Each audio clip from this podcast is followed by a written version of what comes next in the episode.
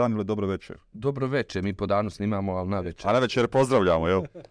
Dobro došli ljudi, o, nakon intenzivne sedmice nagrada za inovativne nastavnike, roller coaster emocija, uzbuđenja i nada sve nastavničke izvrsnosti, a, vraćamo se u studio Besjeda, kolega Namir Ibrahimović. I naravno, kao što ste navikli, kolega Nedim Krajišnik. Drugačije ne bi ni moglo. Večeras a, imate priliku da gledate najkraću besjedu ikada u ovih 100 plus epizoda.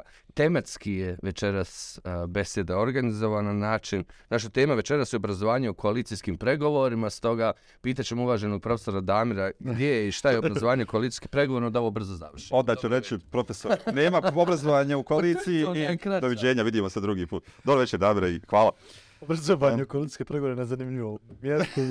to je to. Kraj. Hvala velika na pozivu, momci. Dobro večer vama, vašim gledateljima. Uvijek je, uvijek je lijepo biti u finom društvu.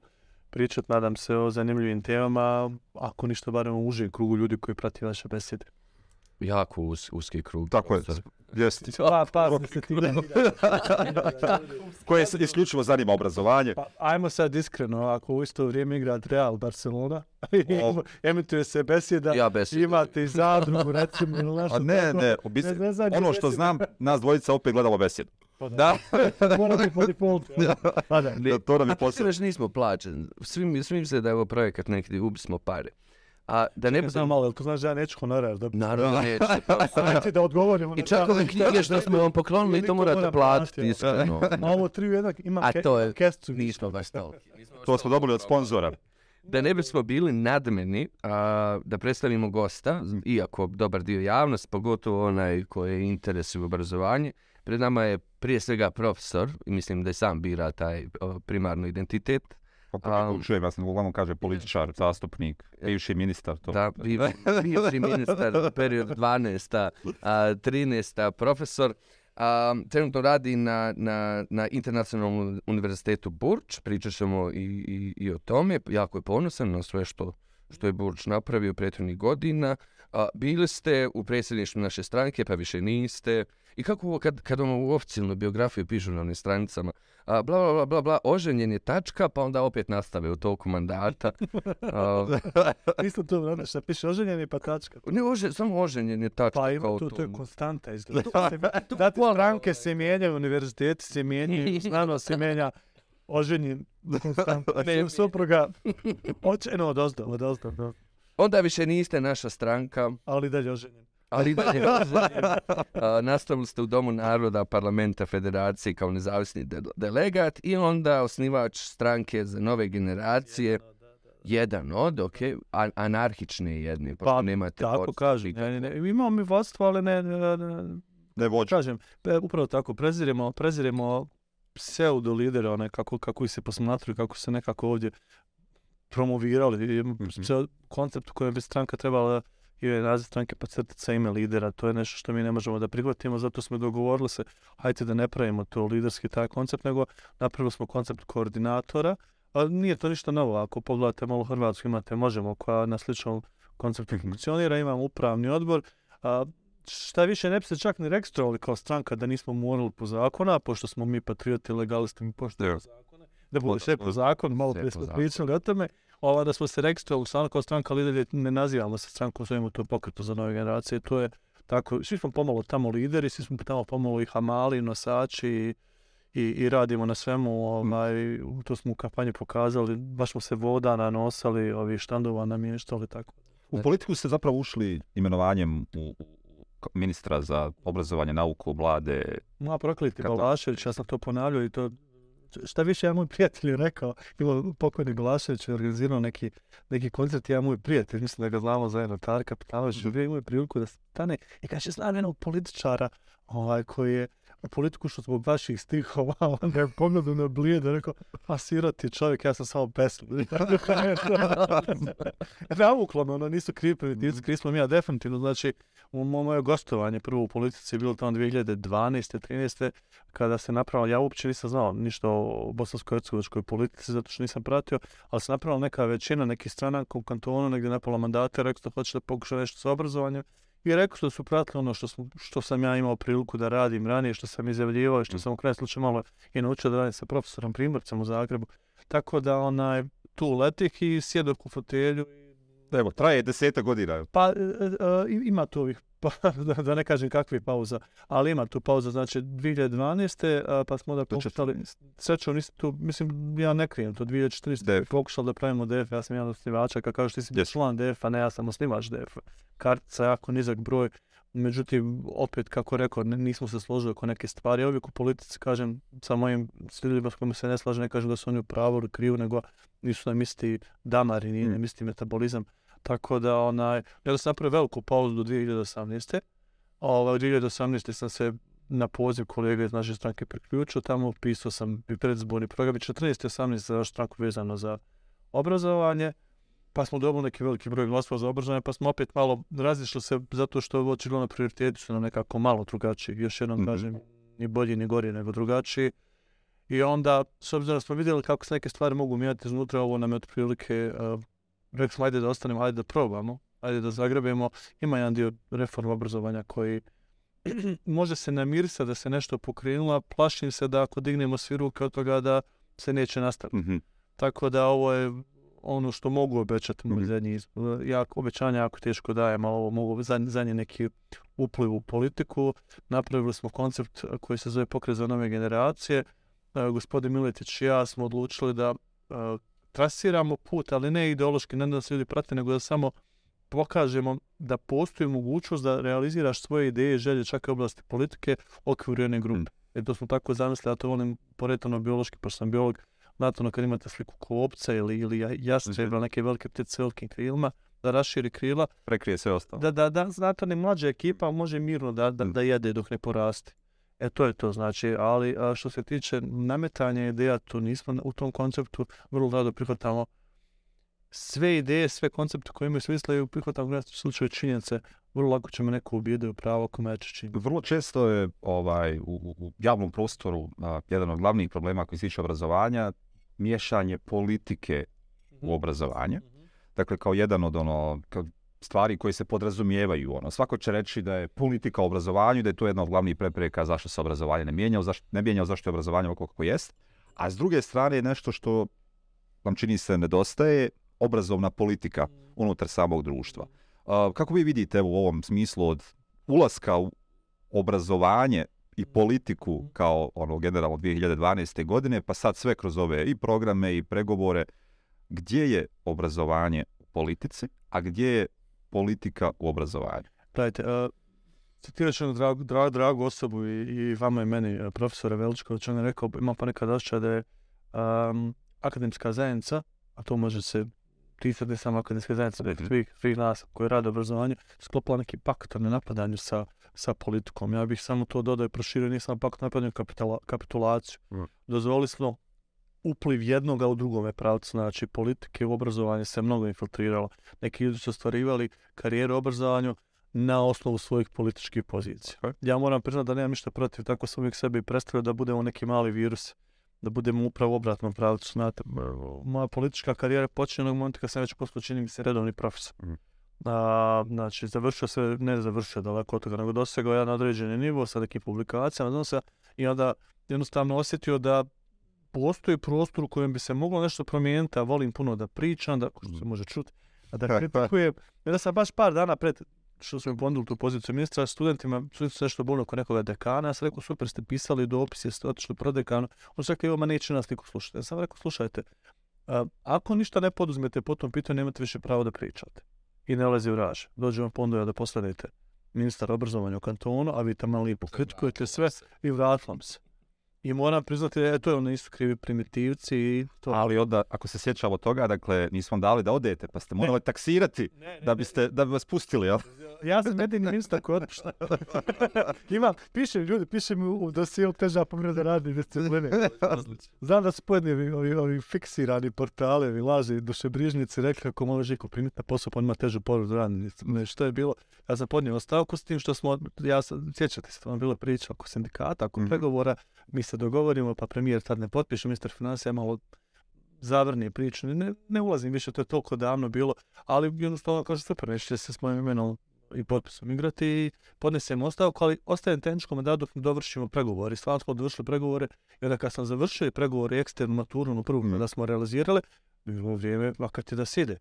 Oni kažu neće, vlada ne prihvati ostavku, skupština ne prihvati ostavku, a to je bio cirkus Marijanović jedno vrijeme. I onda ja pronađem u zakonu da pet dana, ako ne dođete na posao, moraju vas otpustiti. Ja kažem, neću doći pet dana na posao, kažem, mi ću opisati da se bio. Onda sam ja pet dana zaredom morao da objeđi ljudi, ja nisam na poslu i na kraju me otpustiš.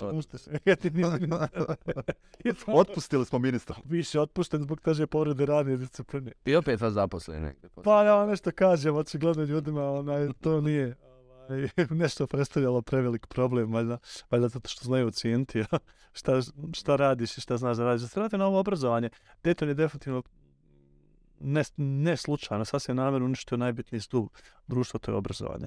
E, ja kažem da e, uh, ova društva moderna 21. stoljeća, vi možete da promašite skoro svaku njegovu sferu osim obrazovanja. Obrazovanje prolazite kao učenik nekada, onda posle toga i kao roditelj ili kao bliski član rodbine koji završava matematiku tako. za neki kontrol i tako dalje i tako dalje sa, sa drugim članom rodbine. A, Dayton je stvarno iz kasape obrazovanja ako netko misli da se to slučajno desilo i neznanje, nije. Koncept je vrlo jednostavan. Ako hoćete da kontrolišete narodne mase, ako hoćete da lako upravljate njima, samo neka budu glupi neobrazovani. Čija je to intencija bila? Intencija onih koji su htjeli da ovladaju prostorima bez nekog prevelikog talasanja. Vi znate kako je talas, ljudi, pametni ljudi talasaju, obrazovani ljudi talasaju, educirani ljudi talasaju. A ovdje imate što je nacije pod krinkom, diploma pod krinkom a, formalnog, zvančnog, ovjekovečenog obrazovanja, vi nemate kvalitete za toga. Znači, i došlo do toga da nešto što je prije bilo nepojmljivo, a, da diploma postaje vrijednija od onoga što stoji za to diplome, to je sada je, sada pravi to je modus operandi obrazovanja. I a, upravo ste, to stalno govorimo, previše je dnevne politike obrazovanja, imamo nema obrazovne politike. I to ono što smo mi načeli, što, sam, što smo mi pokušali, što, što pokušavamo od 2000, ja nisam, ljudi misle dugo se u politici, ja sam bio 10 mjeseci ministar i 2018. potrebno mali sjetni kantonalni zastupnik i slučajno tamo u Domu naroda. Svo svoje funkcioniranje baziram na obrazovanju, ne zato što tu najpametnije, nego tu poznajem najviše ljudi, eh, pravimo neki mali lobby i ne želim da se širi u sfere politike koje ne razumijem. Normalno, ja ne treba dići ruku za neke stvari i tu se raspitujemo od zagađenja zraka, do financije, ekonomije. Uvijek se okružem ljudima koji su pametniji i bolji od mene koji mogu uvijek dati savjet. Što se tiče obrazovanja, naše sve inicijative idu u tom pravcu, tematske sence za obrazovanje, pa za mlade, pa a, povećanje izdvajanja. Mi smo stvarno 2018. pa na ovamo, za nauku smo povećali sa nekog 1 miliona 5 miliona maraka za kanton Sarajevo. Pa smo za reformu obrazovanja povećali na 6 miliona maraka. Ono do mi možemo dobaciti Sad je mali problem kako se ti novci troše i ko nosi reformu obrazovanja, to već malo ulazimo u jednu drugu svijer koja više čak nije ni politika nego neko administrativno priča obrazovanja. Reforma obrazovanja negdje već čini mi se izvini na dime ona. Ok, ja samo mogu da, da, da u mikrofon samo namjesti malo sebi. Da, samo ne da govorite u njega. A možete podići. Jedan, dva. Dobro, okej. Okay. Dakle, neka reforma je krenula i prije nego je šestorka 2018. godine nakon izbora, dakle, preuzela vlast i ta reforma se ono u nekom trenutku u nekom trenutku nastavila i ono što je bilo recimo razlika i to vrlo često se spominje u čitavim i ovim sadašnjim pregovorima nakon ovih izbora je zapravo program koji su tadašnje stranke šestorke potpisale, dogovorile i između ostalog čitav, čitavo jedno poglavlje koje se odnosilo na niz mjera unutar samog obrazovanja. Mm. Onda je bila ona pauza, pa je druga koalicija napravila vlast, pa se opet napravila nova vlast četvorke, kasnije trojke koja i sada postoji. Također je revidiran obrazovni program i plan, ali ono što čini mi se što stoji tamo negdje u nekom trenutku nije uspjelo da se implementira, oblikuje na način na koji je politički dogovor tada što vladajući još uvijek, još uvijek planirao da to uradi. Šta se desi između onoga zamišljenog programa i između od do realizacije što bi program trebao da, da kaže. Ja sam totalno pogrešna osoba da odgovorim na to pitanje, zato što čovjek koji bi trebao da odgovoriti na to pitanje bi trebao da bude onako jednosmjeran. Znači, ili političar, ili naučnik, ili profesor, a kod mene se pomješaš noć, mm -hmm. znate, da vam pojasnim, kada pravite znanstveni eksperiment, postavite neke osnovne parametre koji su prvo hipotetički, zasnovani su na nečemu što ste pročitali negdje u nekom naučnom članku i oprilike pokušavate jedan dio da oponašate, drugi dio modificirate. Ako ne ide, da probate na drugi način, pa probate na treći način. E, to je meni osnovni problem u članu politici, zato što ja otprilike nemam problem da kažem da mnoge stvari koje ljudi vole političar sebi pripisati ako su dobre, da ne potiču od njih. Ajde se vratimo 2012. Reforma je počela mnogo ranije. Je. Čak da se nalažemo onog momenta kad je devetogodišnje obrazovanje uvedeno, je da je uvedeno ad hoc preko noći, čisto kao bolonjski sistem u visokom obrazovanju, neko je zakotrljao nešto, nešto od toga je dobro, nešto nije dobro. Mene je kao ministra sačekala 2012. prva eksterna matura koja piše u zakon da se mora sprovesti, a mene premijer, ne premijer, mene pojedini političari objađujemo ko, ko će, ko će, zašto kaže ne premijer, je to stvarno bio dobar čovjek, mislim dobar čovjek i dalje. I sasvim ja se super slagao. A, mada to nije popularno reći, ali stvarno ljudski ne mogu da kažem drugačije. A, ali su mi pojedini ljudi objađivali, kažem, ajde majke, zakon je tu, pa ne mora se ispoštovati. Što je za mene bio šok. 90-ih je patriotizam bio uzmi pušku bran državu, 2000-ih i svaki drugi patriotizam za rate poštuju zakone države. Ili ih mijenja ako nisu dobri. Tako je, znači, ako ne znaš šta da radiš, radi po zakonu. Ako znaš šta da radiš, radi po zakonu. Ako se ne slažeš sa zakonom, poštuj zakon i koristi priliku da ga mijenjaš ako, ako ti se da prilika. Sada se vratim nazad. A, mnoge stvari, recimo teksta na mature je bila ranije zapisana i započeta ranije. A e, finansiranje zlatnih značaka je na tragu nečih isto ideja koje smo mi realizirali, besplatni doktorati, a, pokušaj izmjena zakona, visoko obrazovanje, sve smo mi to pokušali raditi i dio smo radili za 10 mjeseci, neke su ideje bile naše, neke nisu. Šta je problem sa reformom obrazovanja? Vaša svi su htjeli da počnu da budu veliki reformatori. Kod nas reforme obrazovanja su bili glazura, čo, uh, kolača. Znači, samo sve, uh, tako su je posmatrali, poprilično površno ulazim sada, sada u namjeru u tvoju sferu, ti si tu mnogo veći ekspert od mene, ja govorim sada kao osoba koja od, Da, da, vidim, da, od da. pokojne rade uh, sa profesorom Veličkovićem, sa mnogim ljudima, meni je to uopšte problem. Pošto što sam ja malo znam više o visokom obrazovanju, relativno manje o ovome osnovnom srednjem, pa smo sjedili i učili zajedno. A, politika je, i onda smo iskoristili 2018 da napišemo neki, napišu neke šesto mjera i ja sam se poprio, znaš su me političari koji sjedili tu kad sam počeo obrazovanje rekao, popusti više, daj ovo, ubaci ovo, radi ovo, ovako, onako, daj pare. Pa, mislim, nije nikakva oko budžeta, neću vam glasati za ovo ako ne ubacite novac za obrazovanje ljudi, tako da što moram reći, stvarno nije bilo problem. Ni sa šestorkom, ni sa trojkom povećati iznos finansiranja. Normalno, malo ucijenjujete politički, to je tako kako jest.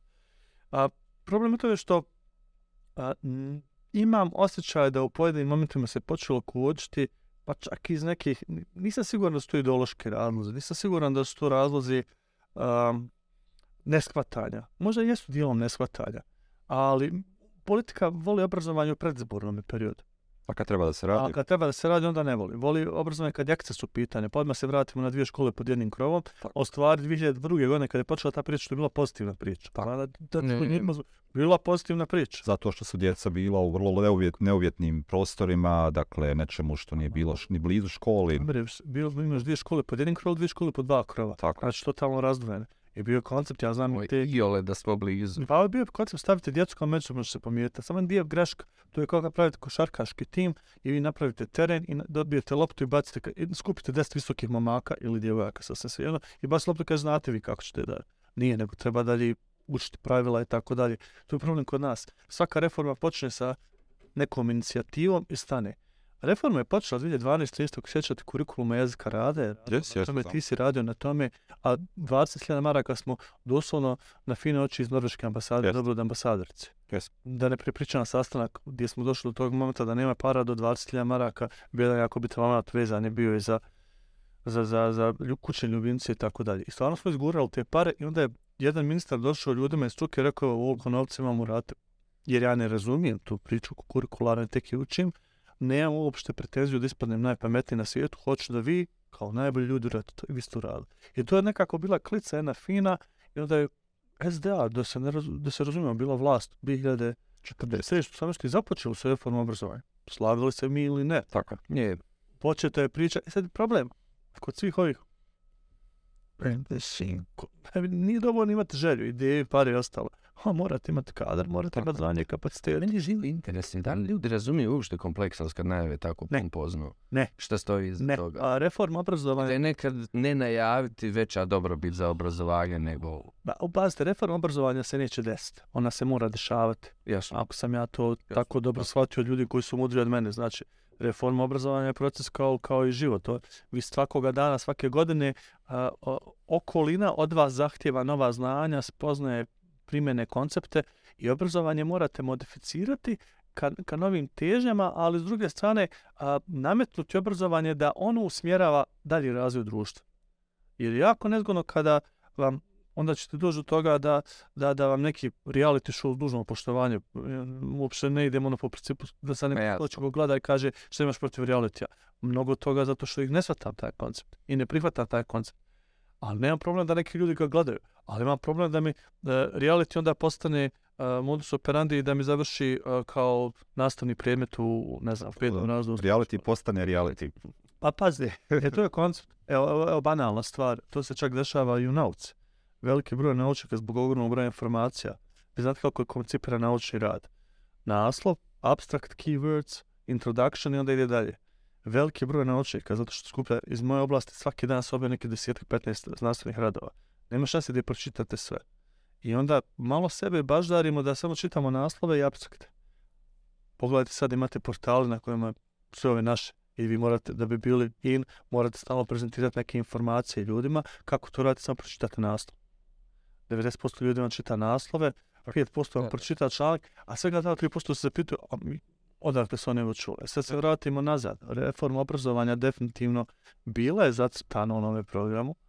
Kada smo je zacrtavali, te 2018. smo objasnili ljudima se neće desiti. Znači, to nije, ne, neće mandat. Mi, ako sad napravimo neku dobru intervenciju, to ne reformu, kažem intervenciju, reforma obrazovanja, kontinuirana intervencija obrazovanja. Ako napravimo dobru intervenciju, vi ćete dobre rezultate vidjeti za neke deseta godina. Najmanj.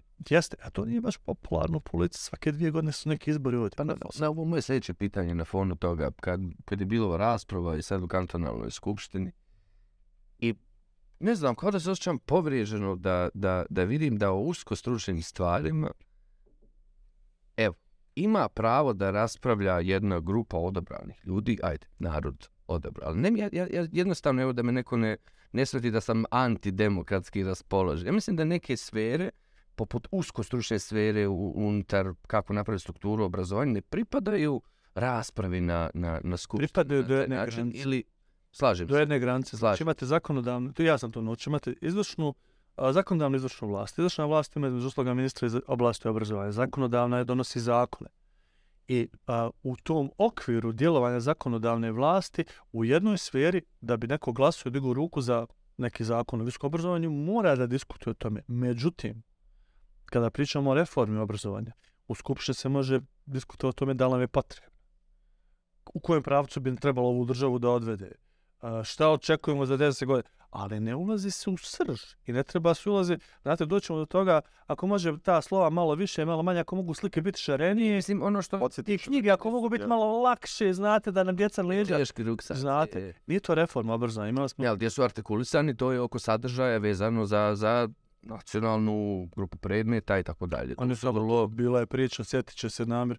Ja sam zvao za vremene diskusije, bile su one ovaj, zvao, jer su tri osobe rekle, je, je, neistinu. Podsjetit ćemo se tog, toga, dakle, dakle, to je zaista bilo najbizarniji obrazovnih tematika na kantonalnim skupštinama. Dakle, doslovno su tada tri grupacije ono stranaka zapravo tvrdile da se u kurikulumu za društvo, predmetnom kurikulumu za društvo, izučava rijeka Bosna do, do granice sa RS. Yes, do Doboja.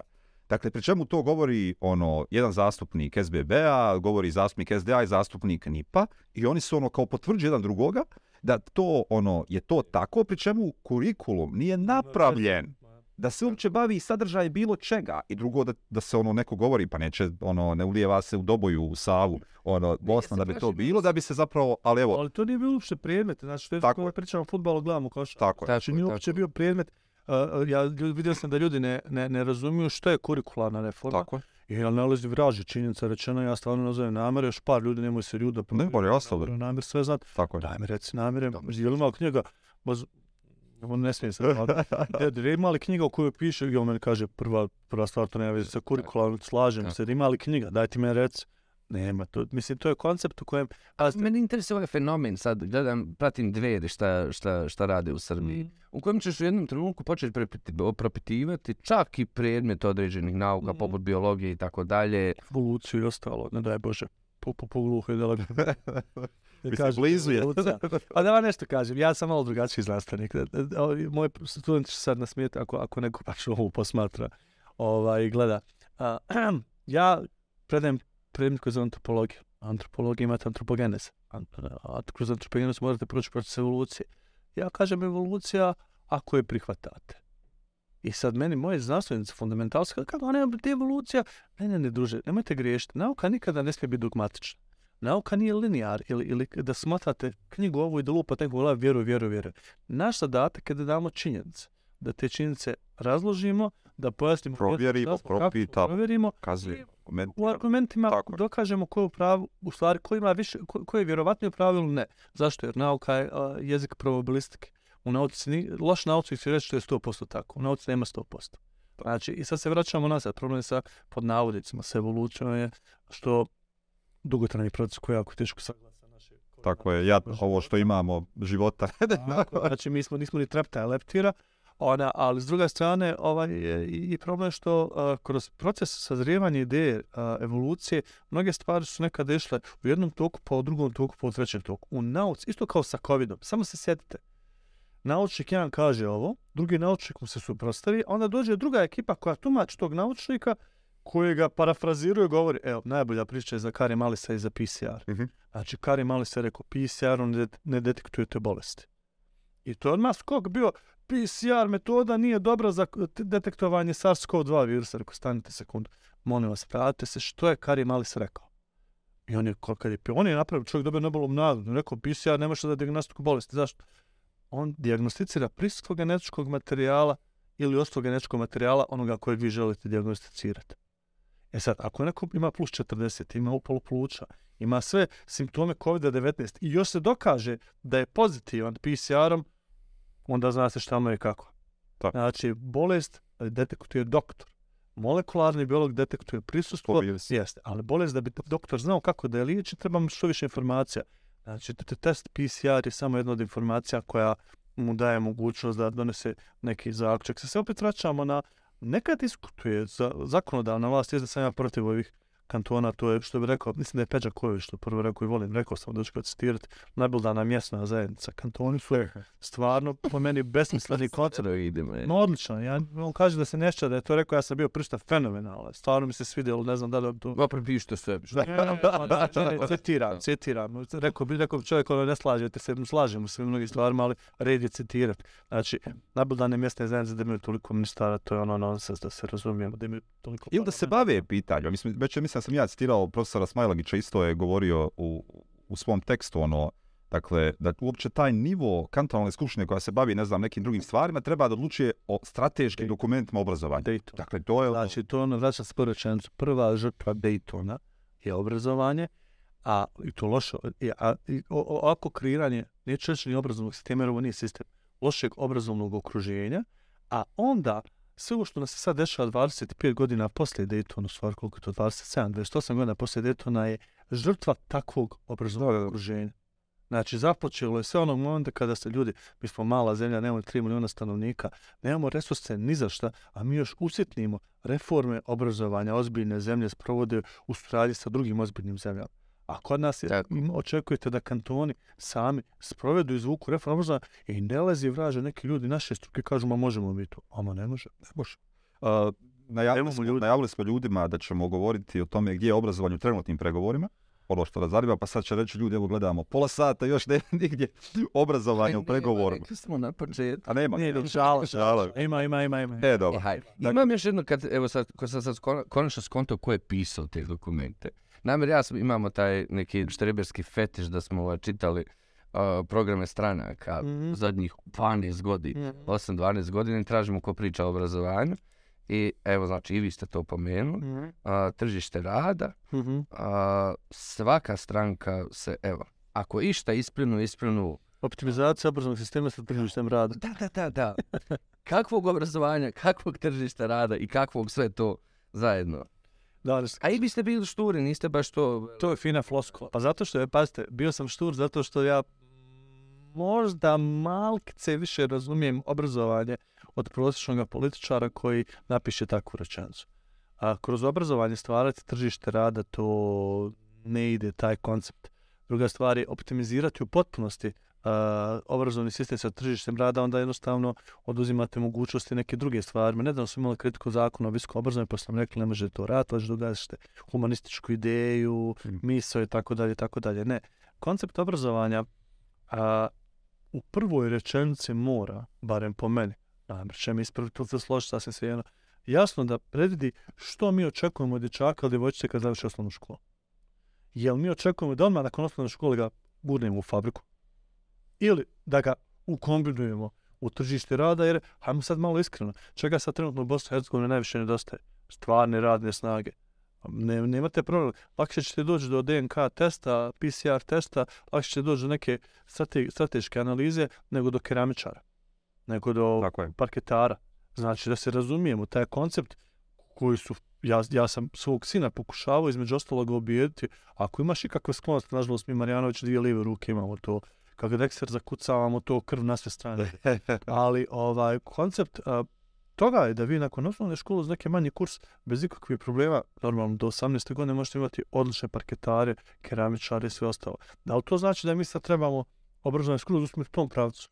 Još gora mi je stvar kada pod izgovorom velike potrebe tržišta rada u Njemačkoj otvaramo velike broj a, fakulteta zdravstvenih studija i svega ostalog, zato što mi želimo da napravimo da naša djeca ovdje steknu znanje, relativno jeftino, besplatno, nepretjerano dobro, na taj način pošli i pošaljimo u Njemačku da, da rade tamo i zarađuju novce u oblasti njegovanja starih osoba i tako dalje. Znači, tu usklađivati, to nije jednosmjerni proces, to nije jednostavan proces. Niti možete ikada u potpunosti sve pore obrazovanja uskladiti sa potrebama tržišta rada čemu vi ne znam Za... kako tržište rada se razvija. Prvo stvar ne znam mi šta hoćemo na tom tržištu rada. Druga stvar mi nemamo, problem bosanaca je klasični da nemamo predikciju za 10 godina. Znate, pa kad se pravi mjere kratkoročne, srednje dugoročne, na, na urgentnim smo dobro, na kratkoročne nismo loše srednjoročne, već ko će dugoročne, nigdje nas nema.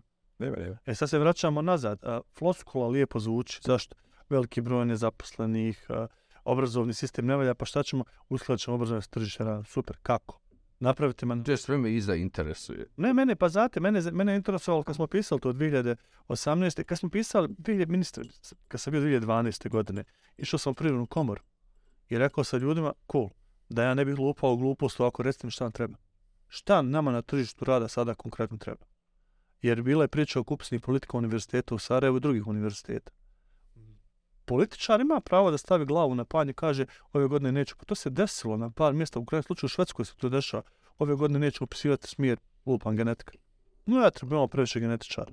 Nije, znači, to je posao političara. Ovdje političari vrlo lako popuste po pritisku, neko nešto napiše ružno, za 150 lajkova odustanu od svoje ideje, zato što nije ni bila njihova ideja. A, koncept usklađivanja sa tržištem rada nije isti u svakoj državi ne može biti propisan. U krajem slučaju siguran sam da recimo, sad je ba, mala banalna stvar, priča o turizmu u Hrvatskoj, priča o turizmu u Bosni i Hercegovini je sasvim drugačija. Priča o rudarstvu u Hrvatskoj, Bosni i Hercegovini, znači govorimo o najbližem susjetu je sasvim drugačija. Priča o autoindustriji i tako dalje. To je, to je ipak priča koja treba malo duže da se razvija i krije se iz jedne jeftine predizborne floskula u krajnjem slučaju onaj koje kaže mora biti svjestan da ako to kažu septembr, da se to neže januar. Hoće, januar za 12 godina. Može biti jako opasno. Uz mehaničkog, fabričkog razumijevanja to može biti... Pa već vam je opasno. opasno. Pogledajte broj, izvinjavam se, ali ja sam rekao da sam malo nekulturan, prekidajte mi mene. Onaj, posebno kad se navije na kofein.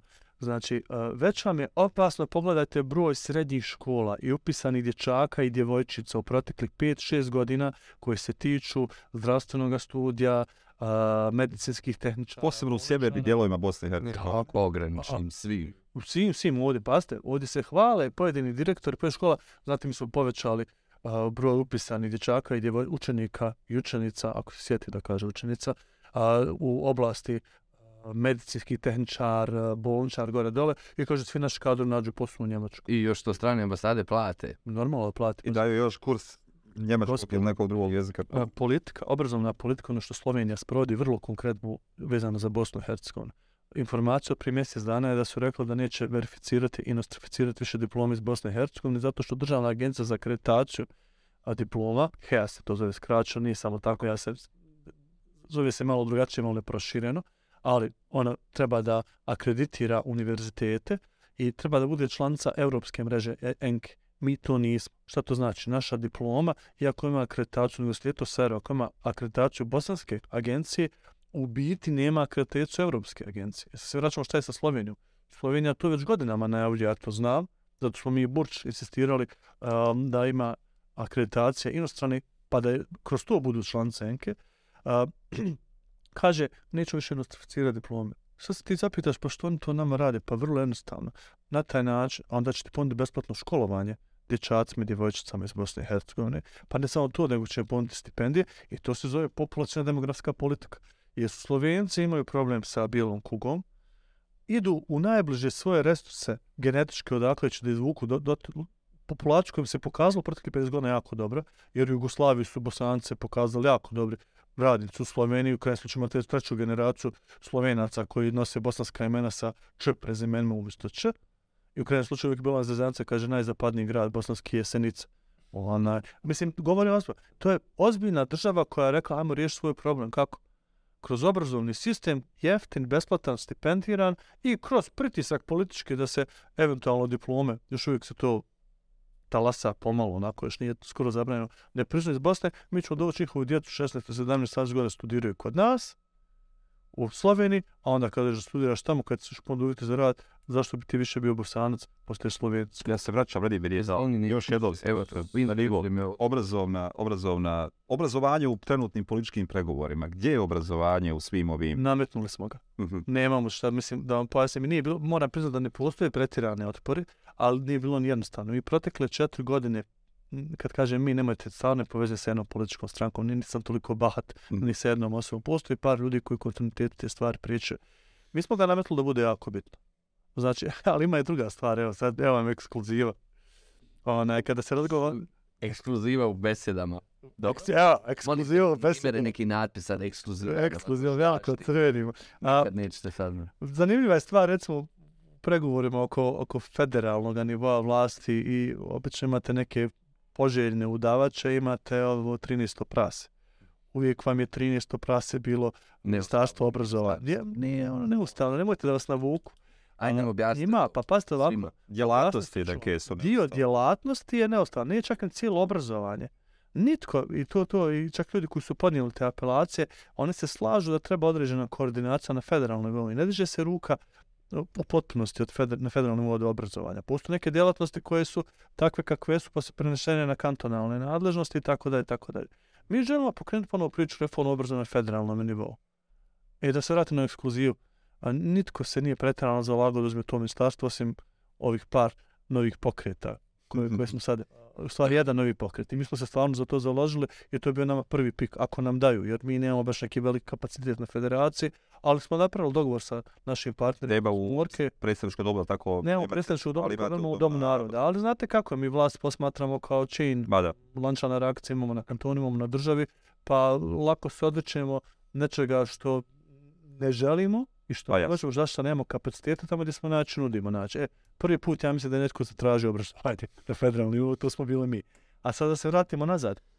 Mi hoćemo da pokrenemo priču o reformu obrazovanja i na federalnom nivou, ali duboko svjesni kompleksnosti Bosne i Hercegovine, ustavnih nadležnosti i svega ostaloga. I uopšte ne nailazimo na otpor sa, ljudi bi rekli, druge strane. Znači, iz onih kantona od kojima je dolazilo blokiranje. Zašto? Zato što su ljudi svjesni da moramo uskladiti neke stvari moramo uslati neke procese, u krajem slučaju moramo uslati iskoristiti resurse i finansijske i ljudske.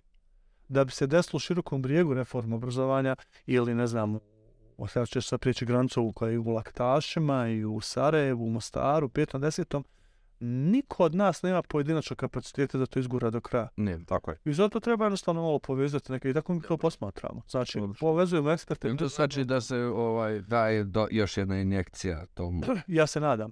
Evo sad idemo prvo. Znate kako je? Budžet vam je uh, ogledalo politike. Uh, budžet je napravila prethodna vlada, mi ga sad pokušamo modificirati. Ja mislim da prvi put insistiramo i nitko nema ništa protiv, sad ću tehnički da što izvuče do kraja, da se poveća za naučnu istraživačku djelatnost, ali i da se poveća i za, kako smo mi rekli, sprovođenje obrazovnih politika, ali i reformu obrazovanja normalno u skladu sa ustavnim nadležnostima. Da se, da se... Među čuo da mi od nekog kantona tražimo 2 miliona za usavršavanje nastavnika koliko smo mi dali ove godine. Mi smo 6 miliona maraka u kantonu Sarajevo prošle godine uložili reformu obrazovanja. To trebate znati. 2022. 6 miliona maraka čini mi se da je Nešto. zvanično reforma obrazovanja. Pa imate to dio, znači, koji se zove uh, uspostavljanje instituta za preduniverzitetsko obrazovanje. Aha, vi ste Nabavka udžbenika i tako dalje. Evo kod udžbenika. Odmah Ko se sjetio? Molim vas, ko se sjetio da da pare za nešto što... Totalno se ne slažem sa te tom odlukom, ja sam moj komentar. Aha, ne ste sa mnom ili sa Sla, slažem se sa vama, moja odluka je bila, dakle ovako, uh, to je socijalni moment, predizborni moment, da se ne lažemo. I da se razumijemo, nije loše ako vi obezbijedite novce, besplatno za udžbenike u našem okruženju, da svi dobiju ako treba, ali ne samo ugroženika, nego svi. Međutim, ja sam postavio pitanje, dobro, ako već obezbeđujemo novce za udžbenike, jesmo li se ikada zapitali, a, ajmo prva stvar, koliko ti udžbenika na tržištu starih već ima i mogu li se povlačiti iz biblioteka, kvaliteta Znači, vraćam se ja, uopšte. nemojte, nemojte mi kao, ja sam kvalitet postavio prvi, samo sam okrenuo na drugu stranu. Veće. Ja sam i rekao između ostaloga, jeste li se ikad zapitali za kvalitetu tih udžbenika i zašto sada, 2022. kupovati udžbenike koji su još 2008. ili 2009. bili nekvalitetni? I u suprotnosti sa tekućom reformom, idejom tekuće Bravo, reforme. sve smo to rekli. Sve, sve su, ništa, to se realiziralo. Pa. 1 kroz 35, vam je moć koji imate u kantonalnom E, Pa ne može se to glasat za... Ne, nismo ni glasali. Skupština tu nije ni glasala. Ministarstvo donijelo odluku. Ministarstvo donijelo odluku, mi ja postavio pitanje, znači, ministrice, ja mogu reći da je to fina, lijepa ideja da ljudima koji ne mogu da nabave udžbenike, da se daju udžbenici. Ali sam ja rekao, super, iskoristimo ovaj, zapitajmo se, nemojte kupovati. Evo, tamo toliko novca razlike, odvojite da neko na četiri godina napiše A, Bog koliko je to zapravo novac, ja sam evo posebno, evo, meni, šest pričali smo o tome, ali sad kako se a, gledao imovinski karton jednog od vlasnika izdavačke kuće, budućeg. Ministra na, u vijeću ministara za ljudska prava gospodina Hurtića, dakle vlasnika izdavačke kuće nam, Dakle, doslovno čovjek je i izdavačku kuću koju Ovo će sad početi napadat čovjek. i, i, i ovaj koji se drugi, dakle da je to ogroman novac koji je neko zaradio, pri čemu, evo, znamo kroz čitav ovo bavljenje kvalitetom barem udžbenika čitanke ili našeg jezika koje je izdavala ta izdavačka kuća zajedno sa još jednom drugom, da to nije kvalitetno, E, to je, da pos- to nije, da to je ono to je osnovni neadekvatno, da je nije korisno unutar Mi smo postavili nastave. pitanje tko je odlučio, znači, vrlo, to je, u zadnjoj godini se to desilo, čini mi se 22. godine se desilo nabavka tih udžbenika, ja sam postavio pitanje tko je odlučio da su to ti udžbenici. Tako je, to je Je odlučila ekonomija, politika ili struka? Na kraju ostala malo misterija, ostalo je fagi, u stvari znamo da struka nije definitivno. Da vas... Vidite, dakle, to nije, niko nije škole pitao, ali je pitanje ostalo zaista, je li... Znamo ono, ko nije. Tipa, Bolje ta- to vijeće učenika Dakle, može ti da koji su, koji su dobili tender, dakle, dobavljači koji su dobili tender da dostave, dakle, ostaje pitanje, jesu li oni od već brojnih odobrenih udžbenika dobavljači birali? Ili je to radio neko unutar ministarstva pa dostavio spisak dobavljačima, dakle, to odgovora nema. Ali pojenta u tome da definitivno, ja, ja nemam problem što je gospodin zaradio milione na svom poslu, po, posebno ako je kreirao kvalitetne prije, Nije. ali nije. Znači, Nije, i oni- druga stvar, ja sam samo postao pitanje skupštine, da li vam je jasno da mi sada ulažemo milion i nešto maraka, čini mi se na kraju je bilo, ne mogu da sjetim cifre, da kupimo u 2022. knjige koje su štampane, čini mi se, 2000. Uz 4 miliona. 3,6, evo 3,4. Četiri milijuna. Jel baš, jel, jel sve bilo sada samo za nabavku? Samo udžbenici, dakle. Evo mogu se sad vratiti ovo prosta računca, toliko Ja, šest matematika ide. Vi kažete 6 miliona za reformu. Minus 3, 4, ovo bačeni para. Ima izvan toga još, znači ja moram priznati da evo sa- sad s ovim ciframa u glavi koliko je, više ne mogu da izlačim sve te podatke, naravno zna koliko podataka vam prođe sad kad smo pripremali predizbornu kampanju i tako dalje. Ima tu, mi smo stvarno, kad smo računali izdvajanje za institut za preduniverzitetsko obrazovanje, a, za a, funkcioniranje ovih a, timova za reformu obrazovanja, pa onda smo čak uključili tu ove, oko 6 miliona maraka. E sad ajmo, pravo ste, ako je 3,4 miliona maraka, to je 2,6 ostalo. pa to je tako kako je, ali prije Minus toga nije. institut. Jedino što je tu konkretna reforma, iskreno, sva, razumijem ja stvaranje preduslova za... Sad ne znam što, što se vama, ja kao da moram imati... Ne, ne, znam, kao da moram imati subjekt na kojeg se istreste, nemoj Ono, ne zamjer. Evo jedan zastupnik skupštine. Evo, slušaj, Najgore, najgore vrste, ja, najgore vrste. A znate kako vam nije to zamišljam? Ja samo kažem napišite mi je- dvije stranice, tako nikom nikad ne napiše na dvije stranice. Što je najgore Stepi od posle rata napisao milione stranica, ne pročita. Dobro sam I kao što niko ne, pa rekao, imam šest istraživanja koje neće da prime na protokolu. Uradili čitavo istraživanje procjene po- online nastave tokom pandemije, man. E, a to, je, to je tek posebna priča. Vi znate da u Britaniji čovjek koji je vodio između ostaloga a, koncept nije čak reforma obrazovanja, nego, nego oživljavanje obrazovanja pod ostavku zato što britanska vlada nije bila spremna da uloži ogromne milione maraka i bilione, pardon, funti za uh, popunjavanje pandemijske rupe. I mi, pored ovakvog obrazovnog sistema, mi sad imamo dodatno još i pandemijsku rupu, mi to vidimo. Pazite, dolaze nam klinici na prvim godinama. Ali se ne prošli- sad. Ne, pa to je naš pred. Znači, kako mi, mi igramo žmire tako kad se ne možemo sak, stanemo na sredini a, polja i zažmirimo mislimo da nas ovaj ne vidi. To je, taj, to je koncept trenutnog rješavanja problema u obrazovanju. Znači, stvarno, vratimo se nazad. Sad govorim kao političar. Uopšte ne govorim, evo, žal, žalosti moje. Govorim kao političar, imate dobar argument da kažete prvi put 6 milijuna maraka izdvojeno. I ja, to je ono zašto sam se ja mogao izboriti u skupštini. Međutim, sad dolazimo do nas. Da bi mogli da kritikujemo političare, futbalere, košarkaše i sve ostalo, moramo da pođemo prvo od svoje struke. Imamo mi ogroman problem u našoj struci. Vi u osnovnom obrazovanju, mi na fakultetu. Zato što smo mi pristali onaj fakultarne napadanje koje je a, profesor Velčević tako lijepo napisao. I s druge strane, malo smo mi pristali, ok, super, posle sad recimo visoko obrazovanje, visoke plate, relativno mali uvjet, uh, uvjeti, u stvari niski, ni- nizak skak koji treba te niska očekivanja, što bih ja tražio više? Što, bi, što bih dao više kad niko ne traži od mene, a mogu dati više para u toj cijeloj priči. Vraćamo se nazad. Da li bi se vi prihvatili, za namjera znam, da, ali evo, da li bi se vi prihvatili da vam kažem vi ćete biti voditelj kurikularne reforme? Ne mislim da imam sve kapacitete za to. problem u tome je što pojedinim ljudima kada takve stvari ponuđu, ja kaže, ja sam to očekivao već godinama, a ne znaju to da izvuku, nisu, nisu samo kritični, nisu ti, i u krajnjem slučaju mislim da ne razumiju kurikularnu reformu, vi ćete vratiti institut za preduniverzitetsko obrazovanje. Ja ću otvoreno reći, nije ovako zamišljen. Znate zašto mogu to da kažem? 2012. smo ga mi crtali. I to znate kako smo ga crtali? Ministarstvo imalo problem sa PPZ-om. I, i pokušali smo doživimo, imali smo dvije opcije. Jedna opcija da od PPZ-a pravimo jednu veliku instituciju, druga je bila da ga a, inkorporiramo u ministarstvo, da nazovemo to kao odjel za a, sprovođenje i praćenje reforma brža. Tako smo ga bili za nas 2012. Znam, ima, imam nacrtanu šemu rukom kako smo, kako smo to pisali Crta. I znam da smo zamislili institut da ne bude administrativna jedinica koja će sprovod realizirati, nego koja će uh, inovirati, ubacivati rad. Znači, u okviru toga najveći, najveći, najveći fokus je trebao da bude na tome da se unutar instituta kreira reforma obrazovanja. Da bi to uradili, mi smo morali da privučemo, bila je ideja, ajmo iz nastave da privučemo stvarno one profesore koji su možda malo čak i zasičani, možda malo umorni, možda misle da mogu više, im koji možda biti više mogu ponuditi upravo u tom konceptu. E tako smo ga bili zamislili. Moram priznati da kada sam bio osnivački akt, ja sam, ja nemam problem da priznam svoju grešku. Možda sam olako prihvatio ovakav osnivački akt a, Instituta za prirodu univerzitetsko obrazovanje, vela smo mi insistirali da se bar jedan dio inkorporira upravo na reformu. Ja dobro sjećam se dobro, mi smo radili na tome, na izmjeni člana 9 koji govori o djelatnostima instituta, jer ovo sad kad pogledate, to je tako, je, dakle to se bavi svim i svačim osim kvalitetom Tako. obrazovanja. Čak smo je ponudili u smislu da smo napisali, Sjećam se, doslovno. bilo odbijen. Ali je bilo odbijeno i onda sam ja mislio, ono, to je recimo moja naivna stvar, pretpostavka bila da će sad kada opozicijski zastupnici pogledaju takvu vrstu dokumenta, da će ono milion prigovora biti, da će ih ono pocijepati žargonski rečeno na tome. Međutim, jednoglasno se usvaja na.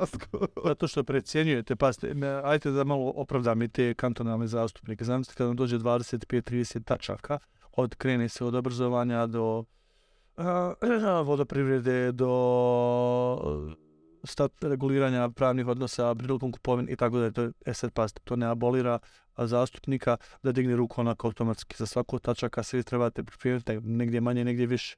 E sad je koncept u tome, e tu sad dolazimo do struke. Struka treba praviti kontinuirani pritisak u tom pravcu i skretati pažnju. Međutim, jedan od osnovnih, ja ću biti tako brutalno iskren. Mi smo pravo zakon o visokom obrazovanju ovaj zadnji. Znači, profesorca Melika Pušić-Mehmedović napravila komisiju. U komisiji je bilo 26-27 članova, dva akademika. I stvarno su prvi put profesori, članovi akademske zajednice i prijateljstva univerziteta sada imali priliku da pišu zakon o sebi prva molba koju smo imali, koju sam ja imao, ima, ima i snimljeno to, da kažem, molim vas, prilikom pravljenja ovih zakona, zaboravite na sebe. Nemojte gledati sebe u pravcu, imate tamo neke docente, vandarni, imate redovne profesore koji trebaju sebi konačno propisati, ako primaš 4000 maraka platu, daj bar u 7 godine objavi, ili u 5 godina objavi 7 radova. Tako je. I tu smo pokušali raditi. ne mrzi vraže. Neću da kažem svi. Stvarno je tamo bilo fenomenalnih ljudi koji su što što naučio. Akademik Trivković, Šabanović, kolega Poljskić, fino smo mi to sve radili, ali mnogi oni koji su obarali taj zakon, gledali su primarno, daj mi član 112, u, kao neće ovo nikad ispuniti, kako će napredovati dalje. E tu je problem, sad se vraćam kritika struke. Tako je kod vas. Ja pogledam sada kako su ljudi primani u tom institutu, na koji način. Ja sam to i postavio pitanje. Koji je kriterij zvanično na papiru da se odredi da je Damir bolji od namere, namir bolji od Damira? Tako je. Ne zanima me zakonska procedura. Toga se nije desilo. To kako Nedim kaže. Nedim će taj koji će procjenjivati ko je bolji.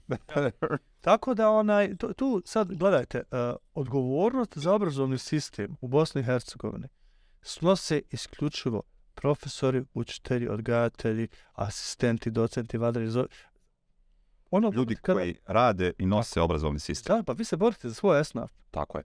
Nemojte, ja, e, od, otud ja u politici, kad sam vidio da je vrag odnio šal, pa 2007. 2008. godine zamalo Duga se jedan jak institut. Institut za genetičku koji je tada publicirao nemilice, tamo smo radili.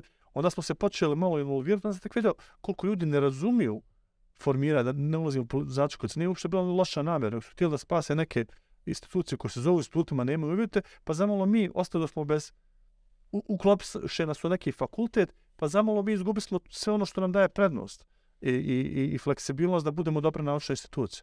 Onda se shvatio da ljudi u tim strukturama nemaju baš mm. puno znanje i to je okej. Okay.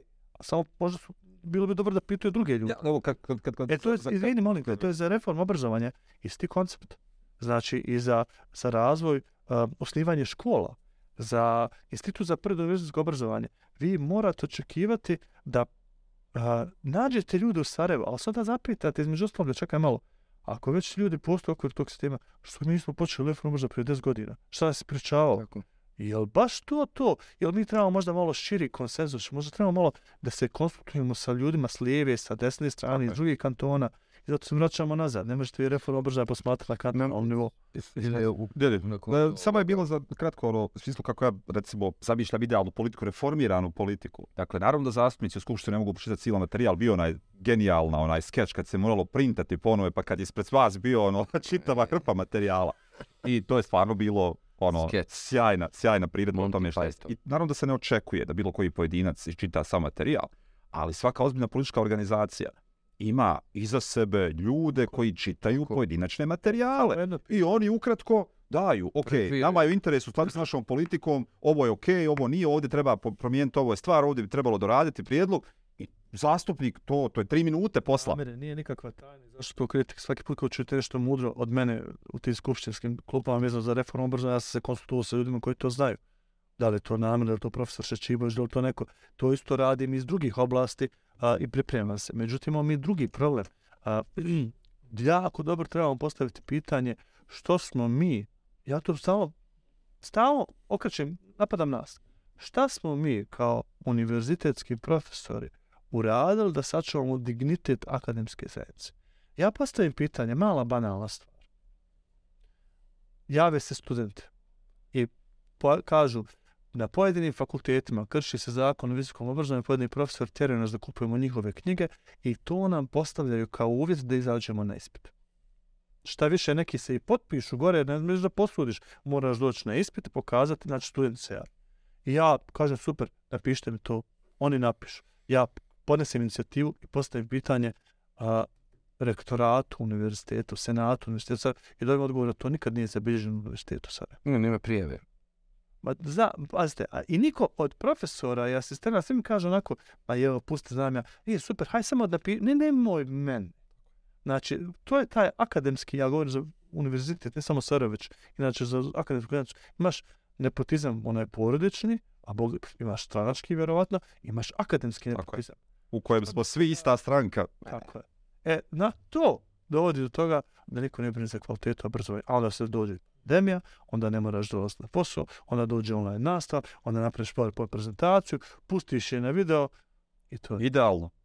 I, a pogledaj, jako zanimljivo, pogledajte, ja znam šta smo mi na jednom privatnom univerzitetu gdje, gdje sam radio, šta smo tražili. Svake godine svako smo tražili poslu iz oblasti genetike da se silabus inoviruje 20%. Jer takve stvari se dešavaju promjene. Vi sad imate neke jako dinamične naučne oblasti gdje profesori nisu desetak, 15 godina inovirali svoje PowerPoint prezentacije. Zašto? Zato što nisu pratili nauku, zašto? Zato što ne moraju. Za razliku od osnovnog srednjeg obrazovanja na univerzitetima, vi niste samo predavač i prenositelj znanja, vi morate kreirati znanje. Zato imamo dva puta veće plate, zato imaju, ja ne dva puta veće plate o, osnovno, odnosno srednje obrazovanje i univer, univerzitetsko obrazovanje, barem govorimo o državnim institucijama. Sasvim je logično očekivati profesora da kreira nauku. S tim što ja to očekujem i od odgajatelja, učitelja. Slažem se. Pazite, dobri, dobri odgajatelji, učitelji, nastavnici to rade, sigurno niko ne mora tjerati. Ajde, nisu, nisu blic koliko su, koliko su ovo, mi je, ovo mi je bilo kategorije stating the obvious, sada ovo da malo sanjamo. Hoće proći, neće proći. A, da li je moguće inspirirati političke partije da, pa evo, koji onda uđu u, u, u vlasti mogu da odlučuju tome gdje pare idu, da gro tih para ide za stručno usavršavanje nastavnika u nekom smislenom sistemu kontinuiranog profesionalnog razvoja, jer naučno smo dokazali da jedino intervencija koja ide u tom smjeru daje rezultat u obrazovanju. Ne infrastruktura, ne učbenici, samo nastavnici. Ne, ništa, bravo, nek bude malo infrastrukture i svega ostaloga, ali se slažem potpuno s vama. Kvaliteta a, nastave ovisi primarno ljudima koji realiziraju to nastave, to je tako kako jeste. A, inspirirati je zanimljiva riječ s kojom se ne bih mogao složiti u politici inspiracija više na nivou populizma, predzborne kampanje i svega ostaloga, ali ucijeniti te kako da znači društvo ako stvarno želi da promene što obrazovanje samo će glasa za ljude koji postižu neke konkretne promjene obrazovanja će glasa za one koji ne postižu. I to je, e sad opet dolazimo do jednog začaranog kruga da idu ljudi da zaborave dva dana pred izbore što je netko radio protekle četiri godine. I ako malo pogledate, svi programi su manje više slični. Yes. A ja to pokušam da, da kažem ljudima, pogledajte tko treba realizirati taj program. Zato smo mi malo sad nekim, neće, smo daleko od toga, možda smo posle malo kontroverzni zato što nećemo da glasamo za nešto što smo možda sad čak sebi uskočili ovaj, u jezik i sebi podržali krila nekih fotelja, sve gospodine, nećemo da glasamo za ljudi za koje mislim ne mogu realizirati ono što se dogovaram a, ne možete inspirirati, možete jednostavno na izborima ucijeniti, ganjati ljude, kad kažem ucijeniti, mislim pozitivno ucijeniti, i ganjati ljude i izabrati ljude koji će to tako nešto raditi, koji su obećali da će raditi. Kao ono, evo da ne izlazim van, mada meni, meni interesuje obrazovanje čitave BH i startne pozicije djeteta u Goraždu ili bilo gdje drugo. Ovaj, neki ljudi u obrazovanju 15 godina nisu imali dana stručnog usavršavanja. Dakle, to vam dovoljno govori, ajmo se vratiti nazad. To je između ostaloga i zadatak a, instituta, ali ne u smislu da, da vi usavršavate ono reda radi da, ili da vidite ili to i ne broji. i ostalo, to, to je radio PPZ prije, da se razumijemo. Ali problem u tome da vi morate doći do toga da svaki profesor, svaki nastavnica, svaka nastavnica, svaki učitelj, učiteljica se osjećaju dijelom reforme. I znači taj, taj kontinu, kontinuirani, posebno u 21. stoljeću, online mogućnosti i svega ostaloga, nema šanse da vi ne sprovedete mogućnost da smanjite administraciju, riješite se neke administrativne opterećenja koje bi možda prosječan nastavnik imao, ali mu zato nadoknete pola sata dnevnog educiranja i svega ostaloga iz oblasti s koje treba da se educiraju. Pokazuju da nema vele efekta online obuke na nastavnike. Ne za Bosnu i Hercegovinu, bilo mi vrlo čudno, iskreno. U sve nije li ovo? Zato što i dalje mi u glavi funkcioniramo kao, a, nema mi ko šta provjeravati. Znate kako je? Zamislite da vi kažete klinicima i klinicizama nema ocjenjivanja. Ja sam protiv ocjenjivanja ovoga kako jeste sada, ali dio valorizacije vrednjovanja znanja i mora biti pa mora biti mora Jel možemo namjer ja hodati od partije do partije objašnjavati im gdje pare za obrazovanje? Hoće ne da možete, nego morate. Hoće. Pa neke hoće, neke neće. Ovaj, neke će vas slušati klimat glavom, neke će vas pozvati na listu. Tamo bi dobro ovako fin, fin ste, momci, super bi. Malo onaj, retuširanje i ostalo to. Ja, znate kako ide to naš logo? Ovaj, a, možete, ne, ne, ne, da možete go morate. I tu nema odustajanja. I ja žrtvovat ne dima da ide. Ja žrtvovat namira. On je ne morate do, do, doći kod nas, mi ćemo da li interes bilo koje političke partije kvalitet obrazovanja? Yes. Interesu. Jeste, jeste, jeste u interesu. Sve zavisi. A gledajte, a, a, ja sam vratio se nazad. One političke partije koje žele da vladaju, isključivo vladaju, njima nije interesu. One političke partije koje žele da stvore uvjete uh, u kojima njihovo djece treba da živi, njima interesu. Mm. Znači, ja Ima neki recept Lijepa to raspozna? riječ nijet. Znači, meni sve zavisi od, od nijeta, od volje, od želje, od onoga što treba. da se uradi. Vi, a, kako kaže, morate poljubiti hiljadu žaba da bi došlo do princa ili princeze. Tako se ovdje dešava. A ja znam, evo iskreno, da dajte da ne promoviram, ne da koristite kod neku prezbonu kampanju, ali postoje političke platite koje platforme koje dogovorit ćemo se, do, dođe vam, ovaj, ali ko, kojima je stvarno obrazovanje u, zašto, u, u interesu, jer mi posmatramo obrazovanje kao centralnu priču jednog društva. I ja više, kad pričam o obrazovanju, ne, ne posmatram svog sina više, koji ima 24 godine, nego posmatram mog nerođenog unuka. Ako sada ne uradimo... To su teška očekivanja od vlastnog djeteta, nemojte mu na nekomu da bere sam. posmatram nekog, ne, ne stignu da posmatram ovako, ovaj, a ja ne znam da li će biti to, ali evo, to, je više simbolika, znači posmatram tu generaciju, Za generaciju. rođena, Da. a, ovaj, zato da a, za ono što sad uradimo, njima ostaje. Sad ima jedna druga stvar. A, svi smo mi sebični, i vi i ja. Ne možete vi čovjeka prošlog ubijeti, kada ti sad radi nešto, dobro daj 5 milijuna maraka, nemoj kupiti sebi nešto, bit će ti bolje za 12 godina. Vrlo jednostavno. Ne učinimo li ništa u obrazovanju sada, ne učinimo li ništa u, za poboljšanje društva sada, neće imati ko da nam otplaćuje naše penzije za 15 ili 20 Tako, godina. to- E, to je, Neki to, dan govore, neće vas imati ko liječite, sad Neće- god ti Tako. pomrijet ćete. tako je. To je upravo vrlo Na najnižem nivou. Ali dakle, to je zaista tako. To je Ako tako. Uzmete samo, dakle, evo, PISA 18. u kojem pola 15-godišnjaka od prije 5 godina nije imalo funkcionalnu pismenost. Sad oni imaju po- eh, 15, 20 i nešto godina, dakle, to su vjerojatno generacije generacije. Dakle, ako nastavimo da tako odmažemo djeci, dakle, oni, to će biti, statistički će Tako. dio njih donositi odluke. Na univerzitetima nas ubija koncept me mediokriteta. Znači šta je osrednjost, je najgora stvar u obrazovanju. Čak nije ni onaj najgori ni najbolji nego srednje. Mi smo prihvatili se osrednjost. Šta se desilo? Poslije rata su postali profesori koji su imali određene kredibilitete, ali kad, nivo e, znanja i kredibilitet, ali pojent u tome da su dopustili da se u akademsku zajednicu tada uvuku ljudi koji kojim oni nikad to ne bi dozvolili u nekim drugim konceptima. Vi ne možete očekivati od nekoga ispod prosječnog profesora da je on spreman da kreira bolji kadar od sebe. Zato što se on svojom ispod prosječnošću Vodi i vodi rukovodi, i to je rukovodi i druga stvar, učinit će sve da bilo ko, ko je bolje da mu glavu skine da bi sačuvao svoju poziciju. da ne bi bio vidljiv.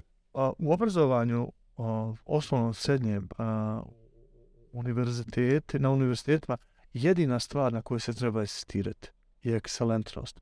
Dižite vi plate rektorima, dekanima na 10.000 maraka, de, de, direktorima 5.000 maraka, samo neka pokazuju rezultate i ekscelentnost. Znači, ja ne volim uravnilovku. Ja znam, to zvuči malo, možda se neko naljutiti, sindikalno naljutiti.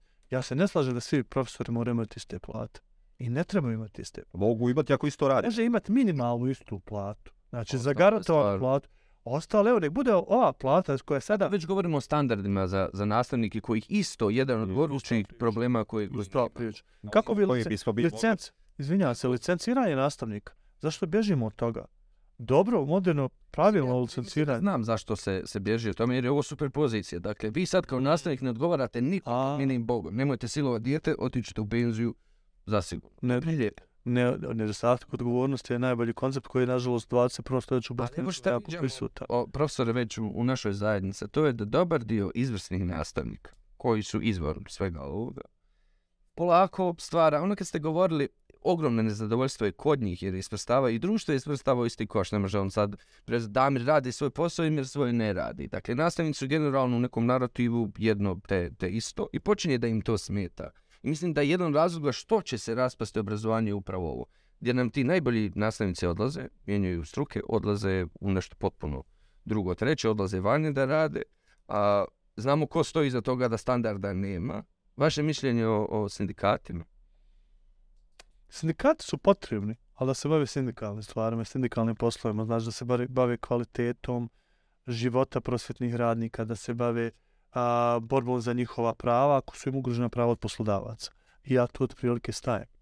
Znači, ja imam iskustvo sa sindikatima je pozitivno i negativno. U krajem slučaju, netko će htjeti da se pohvali, kaže, smijenili smo ministra, nisu mene smijenili, što više sjećam se ja te 2012. godine da je bilo čak i molbi, nemoj sad odlaziti čak i iz sindikata da ne bi došlo do nekih turbulencija tamo, na stranu sve. Znači, sindikati su neophodni u ovakvom društvu, ali neophodni sa stanovišta očuvanja radničkih prava uposlenika koje predstavljaju. Sindikat u obrazovanju treba upravo za to da se bori. On treba da se bori za bolji udžbenik, ne za da ulazi u sadržaj udžbenika, nego za kvalitetno oruđe koje će pri član sindikata koji je jednoj profesor moći dobro da iskoristi. Treba se bori za platu, za a, topli obrok, za u krajem slučaju treba da insistira na tome da ima što više edukacija i što više a, svakodnevnog rada na nas, sve to okay, da sistem to obezbijedi. Onog momenta kada sindikat pređe granicu, recimo, i ulazi, ne, nije uopšte isključeno da nastavim koji u sindikatu ne, ne treba da sudjeluje posao tako dobar, ali kada malo pomiješa stvari i kada poveže da sindikat treba da regulira sve žive opcije, a, da regulira isključivo sindikat, da, a, sad smijem li reći, da odobrava sadržaj nekog užbenika. Kao sindikat ne. Kao profesor, koji je u sindikatu, slučan, da. Znači, da se razumijemo. Mnogi bi očekivali moj negativan stav. Ja dolazim iz radničke poruce koje negdje vidim koncept sindikata u glavi. Nažalost, u Bosni i Hercegovini nemate sindikata u privatnim kompanijama. Nažalost, u Bosni i Hercegovini taj koncept sindikata se doživljava na, na nivou partnerstva između sindikata i, i, i, i, vlade, ali sindikati i vlade nisu partneri, ne treba, oni su uvijek suprostavljene strane. I tu uvijek tako treba funkcionirati. Ali, znate kako je? Ako ja sam ja dobro počeo da igram košarke, ne treba da, da igram futbala. Od prilike tako sam profesionalac. Nemojte da zalazite na teren a, na kojem ne treba da budete. Sindikati, da, ali a, upravo u okviru onoga što zove sindikalna prava. Pa dobro, super su sad partneri, pošto ovaj, se izdaju pare iz budžeta za Eto, recimo, to je jedna pogreška. Ja mislim da pare iz budžeta ne trebaju da se izdaju sindikatima.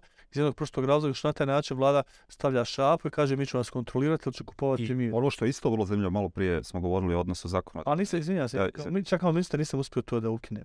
Mada su bila minimalna izdvajanja, 5000 maraka, jer znam da vlada, premijer, bilo 5000 maraka godišnje se tada davalo, čini mi se 2012. Govorimo o stotnoma ne ulazim, ja govorim te što je bilo 2012. Ja mislim da sam do 5000 maraka u budžetu negdje mi zvoni da zna, znam onu tablicu negdje u glavi iz 12 sindikatima, 5 ili 15, mislim sve ukupno da je bilo. Sad je to mnogo više. A, a tad mi nisu dali da ukinem, znam sindikatu sa Bulnu, ali mi je rekao, između ostalog, tada je ministar finansija rekao, nemoj ukidati, ona je zato što mi to je za uspostavljanje, tako treba za neku osnovnu funkciju. Ne, moramo kao podržati koncept postojanja sindikata. Ja sam ovo što pitam, da podržimo koncept sindikata u privatnim školama i tako dalje. Ali ovaj mislim da vas svako plaćanje, pa problem uh, akademske zajednice je plaćanje.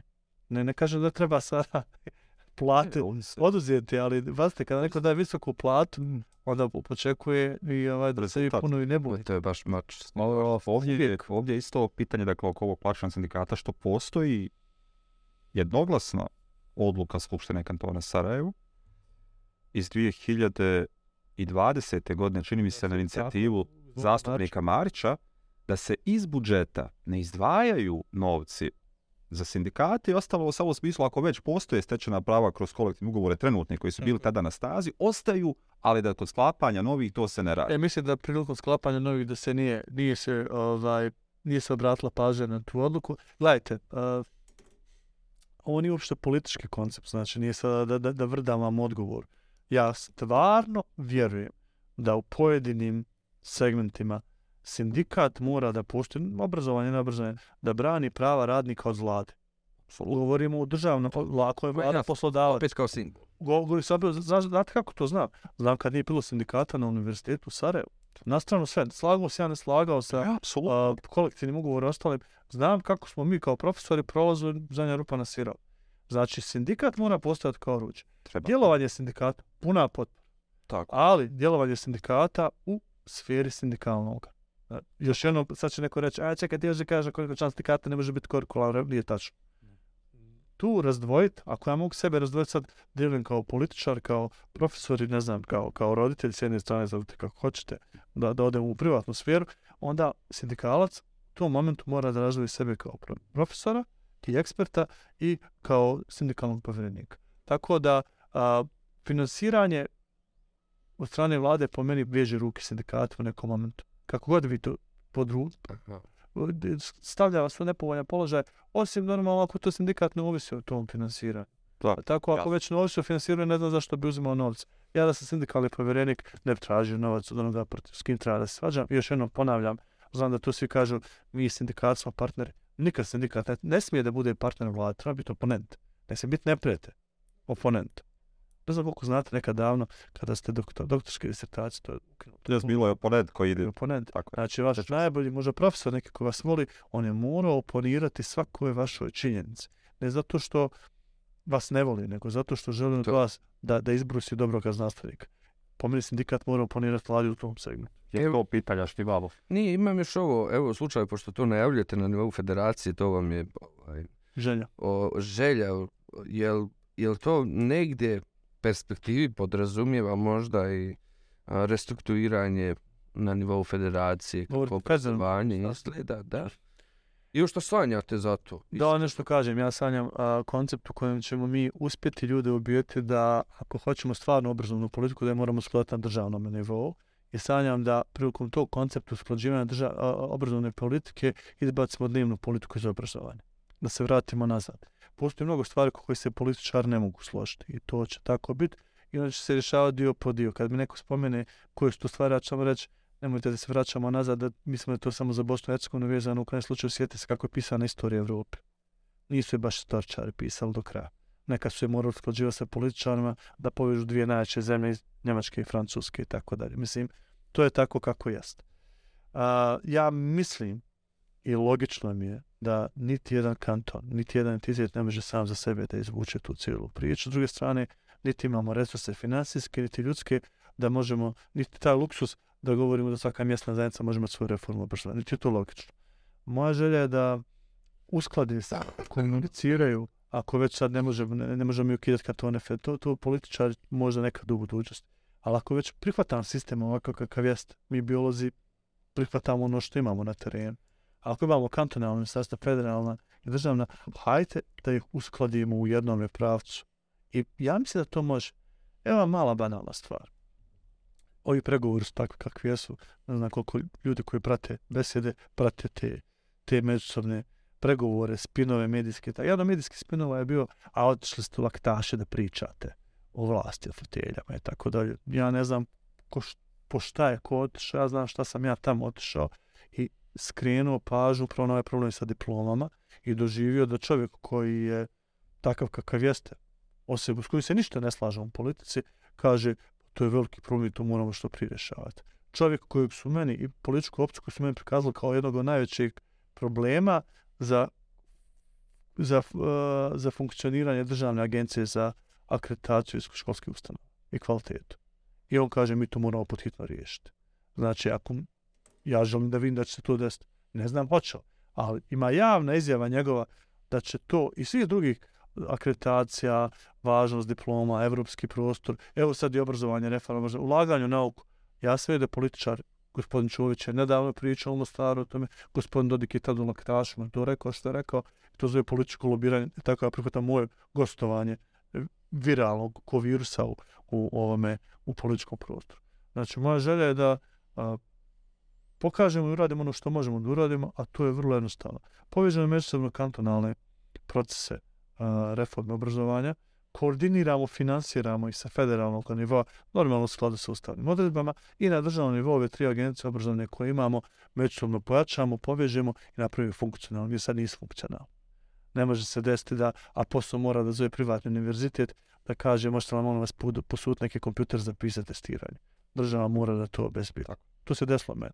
Znači, po, ovo je velika zahvala ljudima za posle što se bore na taj način protiv političara, ja sad želim malo to da ujedinim. Ja sam vidio da ljudi u Banja Luci, u Mostaru i Sarajevu iz ove struke isto razmišljaju.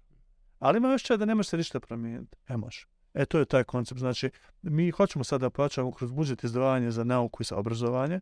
Želimo na 3-4 godine, ako budemo priliku politički kapacitet, da kroz nekoga mjesta obrazovanja aktiviramo taj proces, da idemo onome konceptu, nemojte sada da, da rješavamo one probleme u kojima se ne slažemo, ali da se fokusiramo tamo gdje je bitno. Pa to pisa testiranje, pa akreditiranje univerziteta, članica ENKE, da postane naša agencija. To su stvari koje su dobacive. Hajde da se prvi četiri godine uh, fokusiramo stvari koje su dobacive i koje su lako dobacive.